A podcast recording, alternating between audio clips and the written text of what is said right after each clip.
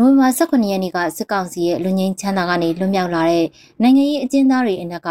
ဩစတြေးလျနိုင်ငံသားစီးပွားရေးပညာရှင်ရှောင်းတန်နန်နဲ့အတူအမေရိကန်မြန်မာစိုက်ပျိုးရေးပညာရှင်88မျိုးဆက်ဦးကျော်ထေဦးလည်းပါဝင်ပါတယ်။၎င်းဟာဒေါခင်ကြီးဖောင်ဒေးရှင်းရဲ့စိုက်ပျိုးရေးဆိုင်ရာလက်ရောင်တော်စီမံကိန်းမှာစေတနာဝန်ထမ်းဒူကျောင်းအုပ်တူအဖြစ်2019ကနေစေတနာဝန်ထမ်းတွားရောက်လုပ်ကိုင်နေခဲ့သူဖြစ်ပါတယ်။ 2021ခုနှစ်ဖေဖော်ဝါရီလစစ်အာဏာသိမ်းပြီးတဲ့နောက်မှာမြန်မာပြည်တွင်းမှာဆက်လက်နေထိုင်လှုပ်ရှားနေကြရကနေစစ်တမလာအတွင်းမှာစစ်တပ်ကဖမ်းဆီးခြင်းခံခဲ့ရပါတယ်။မတရားဖမ်းဆီးထိန်းသိမ်းပြီးစစ်ထောက်လမ်းရေးရဲ့ညှဉ်းပန်းနှိပ်စက်ခြင်းကိုလည်းခံခဲ့ရပါတယ်။၎င်းအတွေ့အကြုံကို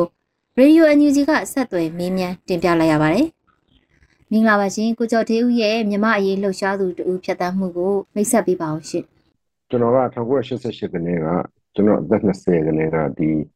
ရေတော်ဝင်မှာတတိယနှစ်ကျောင်းသားအနေနဲ့ပါတယ်ထောင်၃ချိန်ကြာဘူးလေပထမတစ်ခါဖန်ခံရတယ်ဒုတိယချိန်မှာထောင်၄နှစ်ကြာတယ်ကျွန်တော်တို့အဲ့မှာရန်ကုန်အင်းစင်တာရီအဲ့နှစ်ထောင်မှာမြန်မာနှိစက်ခံရတယ်ရိုင်းနှက်ခံရတယ်အဲ့ရနေပြီးတော့ပဲကျွန်တော်ပြန်လွတ်လာတယ်လွတ်ပြီးတော့လည်းနိုင်ငံရေးနဲ့ပတ်သက်ရင် activist တယောက်အနေနဲ့ထက်ထဲဝင်ဝင်လုပ်ခဲ့တယ်ကျွန်တော်တို့အတူတူလုပ်ခဲ့တဲ့ရဲဘော်ရဲဘက်တွေဆိုရင်ပမာပြည်မှာတော့ တော်တော်သိကြပါတယ်မကတာကျွန်တော်အဲ့မှာတာဝန်တစ်ခုအနေနဲ့စစ်အာဏာရှင်စနစ်စန့်ကျင်ရေးပမာပြည်ဒီမိုကရေစီထွန်းကားရေးဆိုတဲ့အဓိကရွေးချက်နဲ့လုပ်တယ်လုပ်တဲ့အချိန်မှာပဲ NLD ပါတီပေါ်လာတယ် NLD ပါတီကကျွန်တော်တို့ရဲ့ဦးဆောင်ပါတီဖြစ်ထားတယ် NLD ပါတီကိုကျွန်တော်ပါတီဝင်တယောက်မဟုတ်ဘူးမဲ့အဲ့ခဏကဒေါန်ဆန်းစီဒီကိုဝင်ရတဲ့ဒေါန်ဆန်းစီဒီကိုထောက်ခံတဲ့ကျွန်တော်အုပ်စုရမှာကျွန်တော်ပါခဲ့ပါတယ်2000ခုနှစ်မှာတော့ကျွန်တော် TV ပေါက်တယ်ကျွန်တော်အမေရိကကိုရောက်လာတယ်ဆိုတဲ့အခါကျတော့ကျွန်တော်အမေရိကကိုရောက်တဲ့ချိန်မှာ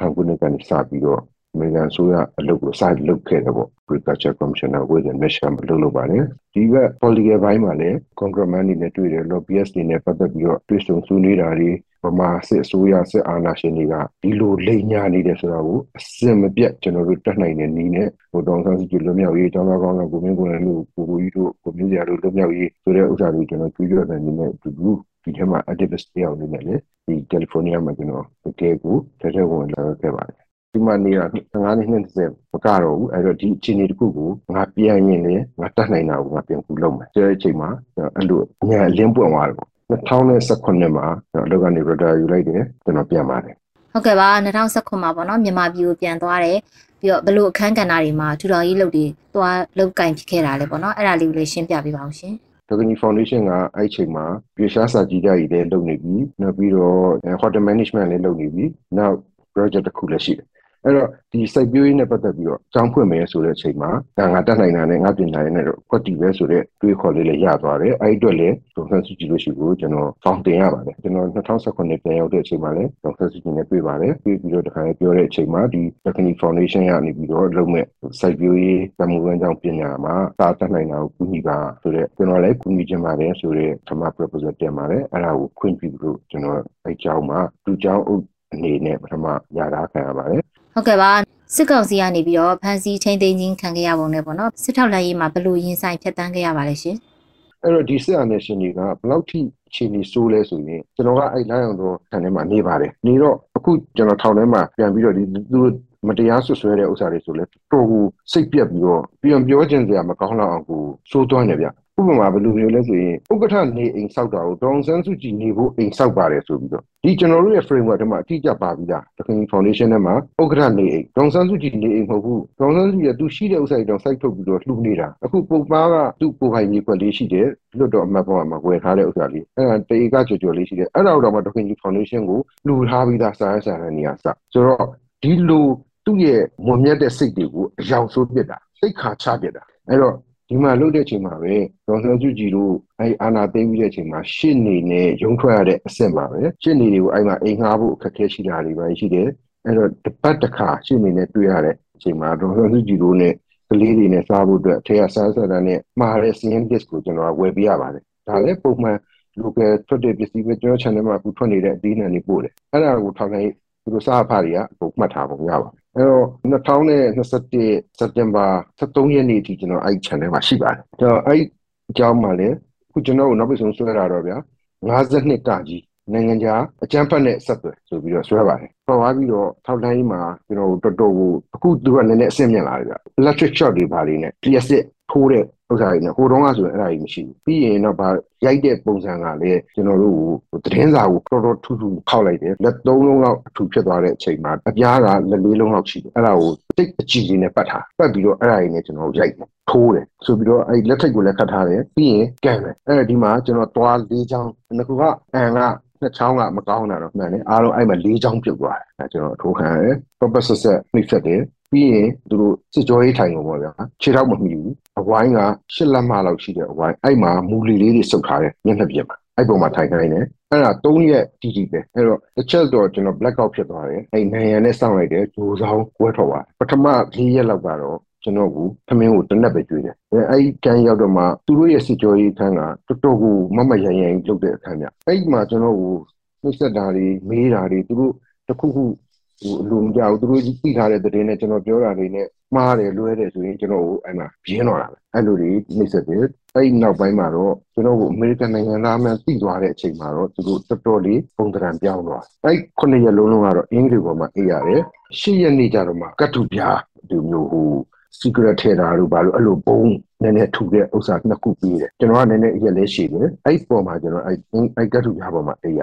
အားလုံး18ရက်ကြာတယ် နောက်ပိုင်းကျတော့သူကကျွန်တော်အမေရိကန်နိုင်ငံသားဖြစ်သွားတယ်ဆိုတာကိုသိတဲ့အချိန်မှကျတော့သူတို့နှိမ့်ဆက်တာတွေနည်းနည်းလျော့သွားတယ်ဒါပေမဲ့တော်တော်မမရရင်ပြောတာဆိုတာတွေရရှိတယ်နေ့တူပါပေါ့နော်အဲ့မှာကျွန်တော်ထမင်းနှစ်နဲ့ကျွေးတယ်စတိရနေတော့မှကျွန်တော်ကိုမျက်နှာပစ်ခွင့်ပေးတယ်ရေချိုးဝင်ပေးတယ်ရေချိုးဝင်ပေးတယ်ဆိုတော့အင်ကြီးဝတ်စားလည်းမရှိဘူးကျွန်တော်တီရှပ်နဲ့ဘောင်းမီလိုလေးနဲ့ပါသွားတယ်အင်ကြီးဝတ်စားအဲ့ဝတ်စားတွေကတော့ခုချိန်ကြီးကျွန်တော်တင်ထားတယ်တော်တော်ကိုပြင်းပြင်းထန်ထန်နှိမ့်ဆက်တယ်ပြီးတော့နောက်တစ်ခုကကျွန်တော်နဲ့ ဘေးနားမှာရှိတဲ့အဲ့ဆဲကန်းနေရဆိုရင်ကလေးတွေ activist တွေပါတယ်နော်လက်နက်မှုနဲ့မမရဲရဆိုလို့ရှိရင်အဲ့စစ်တင်နန်းဆင်းလာတဲ့ကချင်ဘက်ကသူ့ဖေကစစ်ဖို့ဟာသူ့အမေကကျောင်းဆရာမအဲ့ကျောင်းဆရာလေးတယောက်ဆိုတော်တော်နှိမ့်ဆက်ခံတယ်မင်းကတစ်စပေါက်တာကွာသူ့အကူကလည်းလက်ရှိတတ်မှာပူကြီးမင်းကိုကိုယ်တိုင်ကငါတို့ကိုပြောလိုက်ပြီးသားမင်းကိုငါတပ်ပလိုက်လို့ရတယ်အဲအဲ့မှာလဲကျွန်တော်တို့အတူလိုပဲပထမတော့ဆိုရင်ဘယ်လောက်ထိစိုးတယ်ဆိုရင်အဲ့ကျွန်တော်စစ်တဲ့ကောင်ကဒီစပွဲကုံပေါ်မှာသူက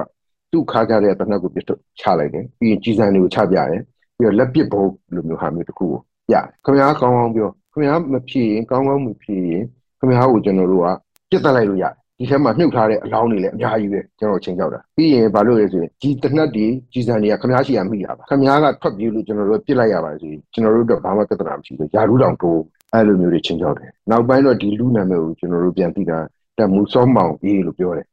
ဟိုဘက်ကလေးတွေဆိုရင်လည်းအဲ့တိုင်းပဲ ကျွန်တော်တဲ့ပူဆိုးတယ်ဒါပေမဲ့ဟိုဘက်ခန်းတွေကလူတွေကကြတော့ကျွန်တော်ကပင်တိုင်လူဖြစ်သွားတယ်ကျွန်တော်18ရက်အကြာလုံးကျန်တဲ့လူတွေက3ရက်4ရက်ဆိုရင်အဲပြီးွားပြီးသူတို့ခေါ်ခေါ်ထုတ်သွားအဲ့ကလေးတွေနဲ့ကျွန်တော်ကပြန်มาပြန်တွေ့လဲဆိုနေပြီးတော့အချုပ်ထောင်မှာပြန်တွေ့ပြန်တွေ့တော့မှအော်ဒီလူကတချို့ကလေးတွေဆိုလို့ရှိရင်နေပြီးတော့ကသူကတိတိတဲ့ခါကျတော့ဒီဒီလူကစောမောင်ကြီးစဖာတက်မှုအဲကျွန်တော်တို့ချုပ်စစ်တဲ့နေရာကနေပြီးတော့စစ်တိုင်းမှုအဲကြီးတောင်ကံဘတ်မှာအဲအဲ့လိုမျိုး စခန်းစခန်းကစစ်ကြောရေးစခန်းနှစ်ခုရှိတယ်။အိုးတောင်မော်စခန်းနဲ့တောင်အောက်စခန်းအောက်စခန်းကပူပြီးတော့ကျန်းတယ်ပေါ့။ဆိုပြီးတော့အဲ့လိုပြောကျွန်တော်တို့ဟိုစစ်တဲ့စခန်းကပူကျန်းတယ်ပေါ့။အဲသူကစခန်းနှစ်ခုရှိတယ်။အဲ့လိုမျိုးတွေ့ရတယ်။နေပြီးတော့ရောက်တဲ့အချိန်မှာအမောင်ကျွန်တော်တို့ကျူဆောင်မှာထားတယ်။ကျူဆောင်မှာထားတော့အဲ့မှာဘာစတွေ့လဲဆိုတော့ကျွန်တော်ကနိုင်ငံသားလို့သိကြဆိုတဲ့အချိန်မှာသူကဘာလုပ်လဲဆိုတော့အဲ့ရဲကစစ်တပ်ကလာတဲ့ရဲကသူကတပွင့်ဆိုတော့ဒီလူကတော်တော်ကိုမှတ်ရိုင်းတယ် ညဘက်ဆိုရင်ဒီလူကမူးလာရင်ကျွန်တော်တို့ဘာလုပ်လဲဆိုတော့ပထမဆုံးအဲ့ကျူးဆောင်မှာထောင်ထဲကိုမရောက်ခင်မှာကျူးဆောင်ဆိုတာရှိတယ်အဲ့ကျူးဆောင်မှာ quarantine နှစ်ပတ်ဝင်ရတယ်တဲ့အဲ့မှာလူ48ယောက်တူတူနေရတယ်ဗျာလူ48ယောက်မှာလည်းအင်္ဂလိပ်ပေါ်မှာပဲအိပ်ရတာအင်္ဂလိပ်ပေါ်မှာဖျောင်းပစိုးခင်းထားတယ်ကျွန်တော်ကဘာမှမပါဘူးအဲ့အချိန်မှာပဲနိုင်ငံရေးပုံမှန်နဲ့ပေါ့နော်သူကနိုင်ငံရေးပုံမှန်လို့မခေါ်ဘူးအရေးအကြောင်းကိစ္စလို့ခေါ်တယ်52ကကြီးလို့905ကကြီးလို့နောက်90ညတို့အဲအဲ့လိုမျိုးဆွဲထားတဲ့လူရှိ အဲ့မှာ90ညနဲ့ဆိုရင်16နှစ်ပဲရှိသေးတဲ့ကလေးတယောက်တောင်ပါတယ်အဲ့လိုလူတွေဟိုသူတို့ဟိုမှာကျွန်တော်တို့အသက်20ကလေးတွေနေပြီးတော့မှတားအောင်မမိလို့အဖေကိုဆွဲထားတာတွေအဲ့လိုလူတွေကစပါလာတယ်အဲ့မှာကျွန်တော်တို့အားလုံး12ယောက်ရှိတယ်အဲ့ဒါပထမအဆင့်ပဲအဲ့မှာစစ်တပ်ကပြောင်းလာတဲ့ရဲကမင်းသားကနိုင်ငံသားပြီးတော့ဒီကျွန်တော်တို့အဲ့အမှုတွေတသက်ဖယ်လိုက်ကျန်တဲ့ character case တွေနဲ့ကြာလာတဲ့လူတွေကတသက်ဖယ်လိုက်ဖယ်လိုက်ပြီးရင်ကျွန်တော်တို့အဲ့ရေးချောင်းဆိုတဲ့ကောင်တွေကိုညဘက်ဆိုရင်အဲ့ကျင်းသားတွေကိုပါးရိုက်ခိုင်းတာခပြင်းပြင်းရိုက် မင်းတို့ကမရိုက်မရိုက်နိုင်ဘူးလားမင်းတို့မရိုက်မင်းတို့ကငါရိုက်မယ်ဆိုပြီးတော့အဲ့လိုကိုကျွန်တော်တို့၄ရက်လောက်တောက်လျှောက်လုပ်တယ်။ဒီနေ့လူဝင်လာပြီးဂျူဒီချင်းနဲ့ည9နာရီလောက်ဆိုပုံစံထိုင်ရအဲ့လောက်ထိအဲ့ချိန်မှာကျွန်တော်တန်ချီချင်းနဲ့ဆိုတော့တိုင်းကြီးမှာတော့တော်တော်ပြင်းပြင်းထန်ထန်ရှိတယ်ကျွန်တော်ညာဘက်ပါထိုးခံရတယ်ညာဘက်ညာဘက်နန်းတွေကိုအကန်ခံရတယ်အဲ့ဒါကကျွန်တော်ကိုကန်နဲ့လှုပ်တယ်ဆိုတဲ့ကလေးကကြော်ကြီးတယ်သူကလူသက်မရင်းနဲ့အချုပ်ပဲရှိသေးတယ်ထောင်ကြသေး အဲ့ချုပ်သားချင်းချင်းမှာတော့သူကအဲ့လိုပြန်ပြီးတော့ကျွန်တော်တို့ကိုညှမနှိပ်စက်တာတယောက်နဲ့တယောက်ကိုအဲ့လိုမတ်တက်ရက်ခိုင်းပြီးတော့ criminal case တွေကရေးချောင်းနဲ့ကြာလာတဲ့ကလေးတွေကိုမတ်တက်ရက်ခိုင်းပြီးတော့နပန်ကျန်းတာပါရိုက်တာထိုးပြင်းလာမင်းလက်တီးကမပြင်းဘူးထိုးစမ်းအဲ့ဒါ၄ရက်အဲ့လိုလုပ်တော့နောက်၃ရက်နေကြတော့ကျွန်တော်ကမနေနိုင်တော့ဘူး အဲ့တော့အဲ့ကလေးတွေကလည်းကျွန်တော်ကိုထိုးတဲ့ကလေးတွေကလည်းကောင်းပါတယ်အဲ့ဒီလူတွေပြန်သွားပြီဆိုရင်မနေ့ကျကျွန်တော်လာကြော်တယ်နော်အဖရဲ့ကျွန်တော်ခွင့်လို့ပါကျွန်တော်လည်းဟိုမဖြစ်လို့ပါအဖဒီတစ်ခါဟိုပြလို့ရှိရင်ရှောင်းပါနေပြီလေကျွန်တော်ကမရှောင်းဘူးတက်တက်ပဲထိုးခံတယ်ကျွန်တော်တို့ပုံစံထိုင်ပေးရတယ်အဲ့ဒါကိုကျွန်တော်ကန်တာအဲ့သူတို့ချင်းချင်းတွေမှာလည်းရှူရဲလေးတွေစိတ်မကောင်းလို့ဟာဆေးယူမလားဗမာဆေးရှိတယ်ဒေါ်နန်းစိန်လားဒေါ်ကျင်စိန်လားအဲ့လိုတနခါအနှစ်တွေနဲ့ဘူးလေးတွေအဲ့ရဲလေးတွေလာပေးတယ်အဲ့မှာလည်းရဲမှာလည်းနှစ်မျိုးကွဲနေတယ်ဆိုတော့ဒီလိုပြဿနာလေးကျွန်တော်ကြုံခဲ့ရတယ်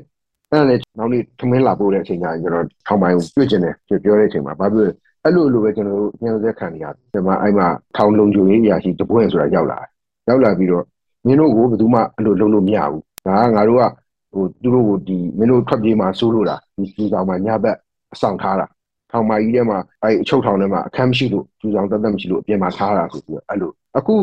နောက်ဆုံးကျွန်တော်အဲ့ဒီဓမက်တဲ့ကနေရုံးထွက်တဲ့အချိန်ကျအဲ့ကျူဆောင်မရှိတော့ဘူးအ ထူးယုံတွေလုတ်လိုက်ပြီးတောင်ဆန်းစုကြည်ရဲ့အထူးယုံအဲ့တော့အဲ့လိုမျိုးလုတ်ပြီးတဲ့အချိန်မှာနောက်9ရက်နေ့မြောက်ကြတော့ကျွန်တော်တို့မလုတ်တော့ဘူးအဲ့ဒီကျဲတွေလည်းပြောင်းသွားတယ်အဲ့ဒါပြီးသွားတဲ့အခါကျကျွန်တော်14ရက်နေပြီးတဲ့အချိန်ကျတော့14ရက်တောင်မဟုတ်15ရက်ပြထူဆောင်မှာစနေတနင်္ဂနွေခံလို့ဆိုတာမသိကျွန်တော်တို့18ရက်နေ့မှာအချုပ်ထောင်ထဲကိုပို့တယ်ပို့တဲ့အချိန်မှာကျွန်တော်တို့3ဆောင်ကိုထားတယ်ဟုတ်ကဲ့ပါဟိုနေပြီးတော့အချုပ်ထောင်မှာပေါ့နော်ဘယ်လိုလူမျိုးတွေကိုဖမ်းဆီးချုပ်နှောင်ထားတာပါလဲရှင် သုံးဆောင်မှာအခုကျွန်တော်တို့အဲ့မှာအမတ်တွေနဲ့ပြန်တွေ့တယ်စောစောကလူသားလုတ်တာကိုမမိလို့အဖေကိုဖမ်းတဲ့လူတွေပြီးတော့အဲ့မင်းကြီးမသတင်းတောက်တွေဟို905ကလေးတွေ90ညတွေတော်တော်များများနဲ့ကျွန်တော်ကြုံပြစ်လိုက်ပါတယ်အဲ့အဆောင်မှာပြီးတယ်ပြီးတော့အုပ်စုညွှန်မှုဆိုတဲ့လူရောက်လာပြီးတော့ကျွန်တော်တို့အလို့ထားလို့မရဘူးဆိုပြီးတော့တိုက်ကိုပို့လိုက်အဲ့ဒီတိုက်ကိုပို့လိုက်တဲ့အချိန်ကျတော့မှလွတ်တော်အမတ်တွေနဲ့တွေ့တယ်ပြီးတော့ NLD အစိုးရဝန်ကြီးတွေနဲ့တွေ့တယ်နောက်ပိုင်းကျွန်တော်အဲ့9လအလုံးလုံးမှာတော့ သူတို့စစ်တိုင်းတွေကနေပြီးတော့ပို့လာတဲ့မျိုးမျိုးကောင်းစီဒူမျိုးတော်ဝန်အဲ့ကောင်းစီဝန်တွေတော်တော်များများနဲ့တော့ကျွန်တော်စုံပြစ်ပါတယ်ပြီးတော့တကယ်ကိုတိုင်းပြည်အတွက်ဒေါန်ဆန်းစုကြည်အစိုးရပေါ့လေ NLD အစိုးရလက်ထက်မှာလုပ်ခဲ့တဲ့ဝန်ကြီးတော်တော်များများနဲ့ကျွန်တော်အဲ့တိုက်ထဲမှာအတူတူနေခဲ့ရပါတယ်။ရှောင်းတန်နန်နဲ့လည်းအတူတူနေခဲ့ရတော့9လပေါ့အားလုံးဟုတ်ဟုတ်ကဲ့ပါရှင်ဆက်လက်ပြီးတော့သူဖြတ်တန်းခဲ့ရတဲ့မြမအရေးရုံးကန်လှုပ်ရှားနေရမှုအတွေ့အကြုံတွေကိုလည်းနောက်တစ်ချိန်မှာပြန်လည်တင်ဆက်ပေးသွားပါအောင်ရှင်။